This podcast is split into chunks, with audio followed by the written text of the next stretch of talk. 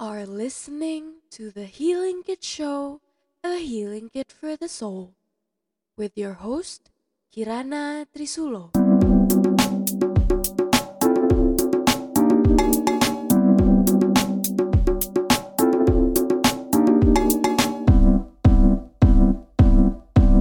Beautiful day, listeners.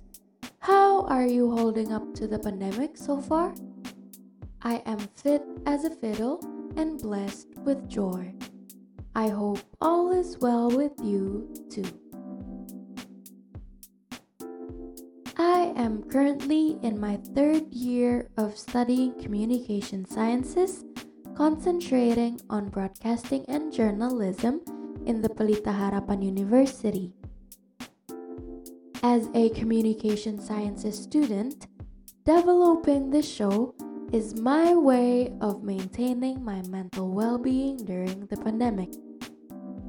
Not only that, it is one of the assignments that I have to finish in order for me to pass my radio journalistic and practicum class. But since we're living in a pandemic where our mobility is being more restricted, we are not able to go to our campus and make use of the radio laboratorium facility. Instead, we are now expected to make our own podcast show from home. Information can be obtained from various mass media platforms, ranging from text, audio, and video. Due to my enrollment in the radio journalistic and practicum class, my interest in knowing more about the audio based mass media industry has risen. Because of that, I started to look for information related to the audio based mass media industry. One of the articles that fulfilled my desire to know more about the audio based mass media industry is published online by Kompasiana. Now, I am going to share a few things that I got from that article. In the past, the most popular audio based media platform was radio. Radio is a medium that is able to spread information to a massive audience in the form of audio conveyed to listeners via radio frequencies. In a modern era like today, people can access information more easily with the help of the internet. The internet is essential in the modern media industry as it is a tool that helps the media industry to massively spread information more quickly and easily. The internet is indeed a substitute for radio frequency. Podcasts are one of the many products of new media. But what is new media? New media is a term used to describe the development of the communication technologies on using internet based media platforms. The development of new media started in the late 20th century. The fact that new media spread information using internet based mass media platforms makes the internet as one of the most important parts of new media. Now, podcasts themselves are recordings in the form of audio and sometimes video that have a collection of episodes and can be accessed flexibly through the internet. Over time, podcasts are increasingly loved because they vary on contents and are easily accessible. The term podcast itself comes from a combination of the words pod and broadcast. The word pod comes from Apple's digital media player, iPod, whereas cast is short for broadcast. Podcasts have been around since 2005, but in 2007, podcasts began to be widely used and grew rapidly until this day. As audio based mass media, radios and podcasts have their similarities. First of all, as I said before, radios and podcasts are both audio based mass media. As mass media, radios and podcasts act as a provider of information. They have the task of initiating mass communication. Another similarity of both audio based media is that the information that is being spread massively is delivered by announcers or casters. Although both audio based mass media are similar in some ways, they also have their differences. First, podcasts provide contents in the form of episodes that are being published on the internet, while radio shows are usually aired scheduled. That way, podcast listeners are more free and flexible to choose contents.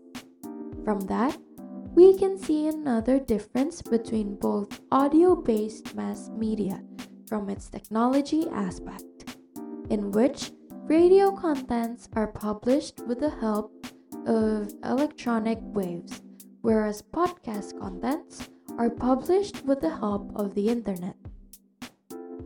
Due to that, podcast contents can be accessed on various online audio platforms such as Spotify, Anchor FM, and Apple Music, whereas radio contents can only be accessed on tape players.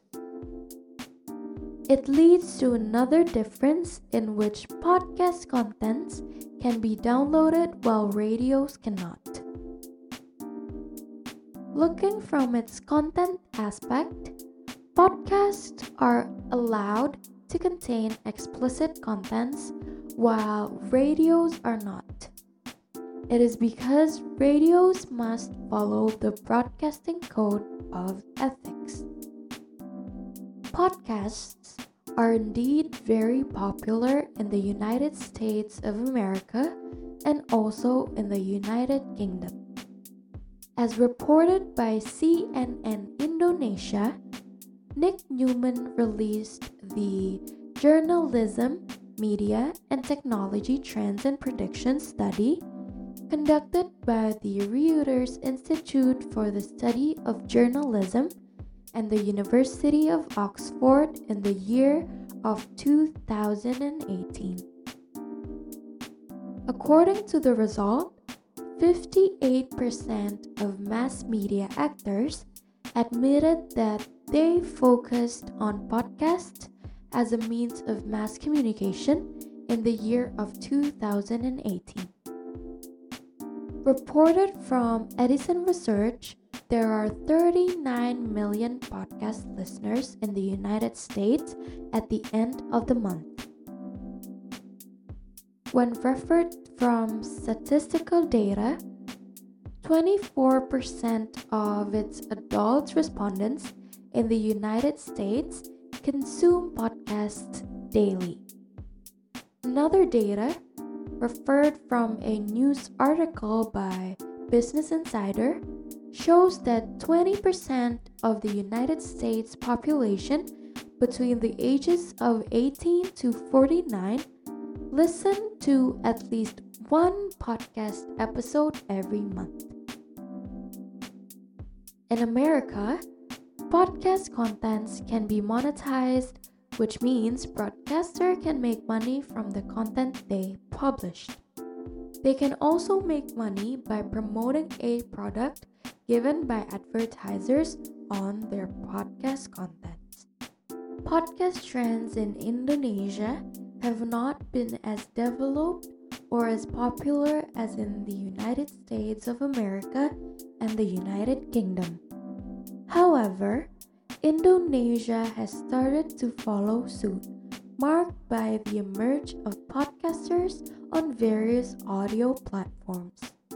Podcasts in Indonesia vary in content including news, education, and entertainment.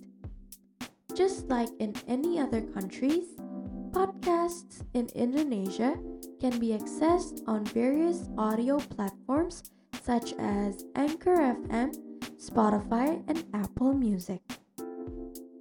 The contribution of Indonesia to the podcast world is quite good, as seen from one of the music platforms, Spotify. In the podcast charts line in Indonesia, per October 6, 2019, there are three top podcasts including Do You See What I See, Rapot, and Podcast Boker. Do You See What I See is a podcast in which the contents are a collection of true horror stories told by those who experienced them. Rapot is a podcast hosted by Reza Chandika, Anka Tama, Radini, and Natasha Abigail. Rapot has a unique and interesting way of creating content in which they provide information youthfully.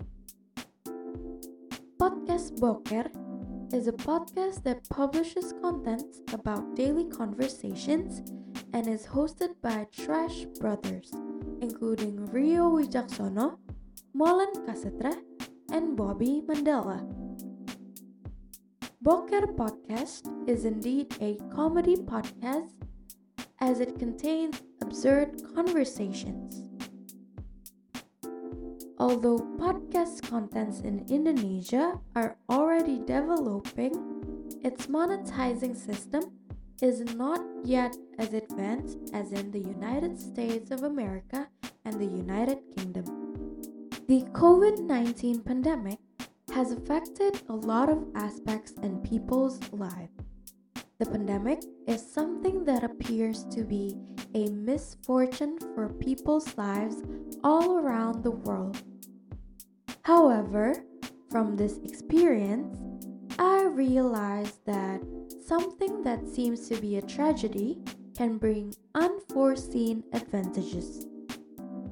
What I mean by that is that my fellow classmates and I should have been learning how to develop a radio show. However, due to circumstances, we are forced to shift our learning plan to developing a podcast show instead.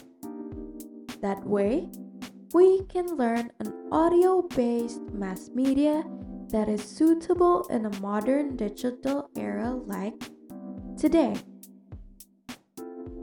Although this pandemic is a tragedy, I want you to try and see the positive things in life. Keep in mind that you are not alone and try to replace doubt with faith. Have a beautiful day, listeners.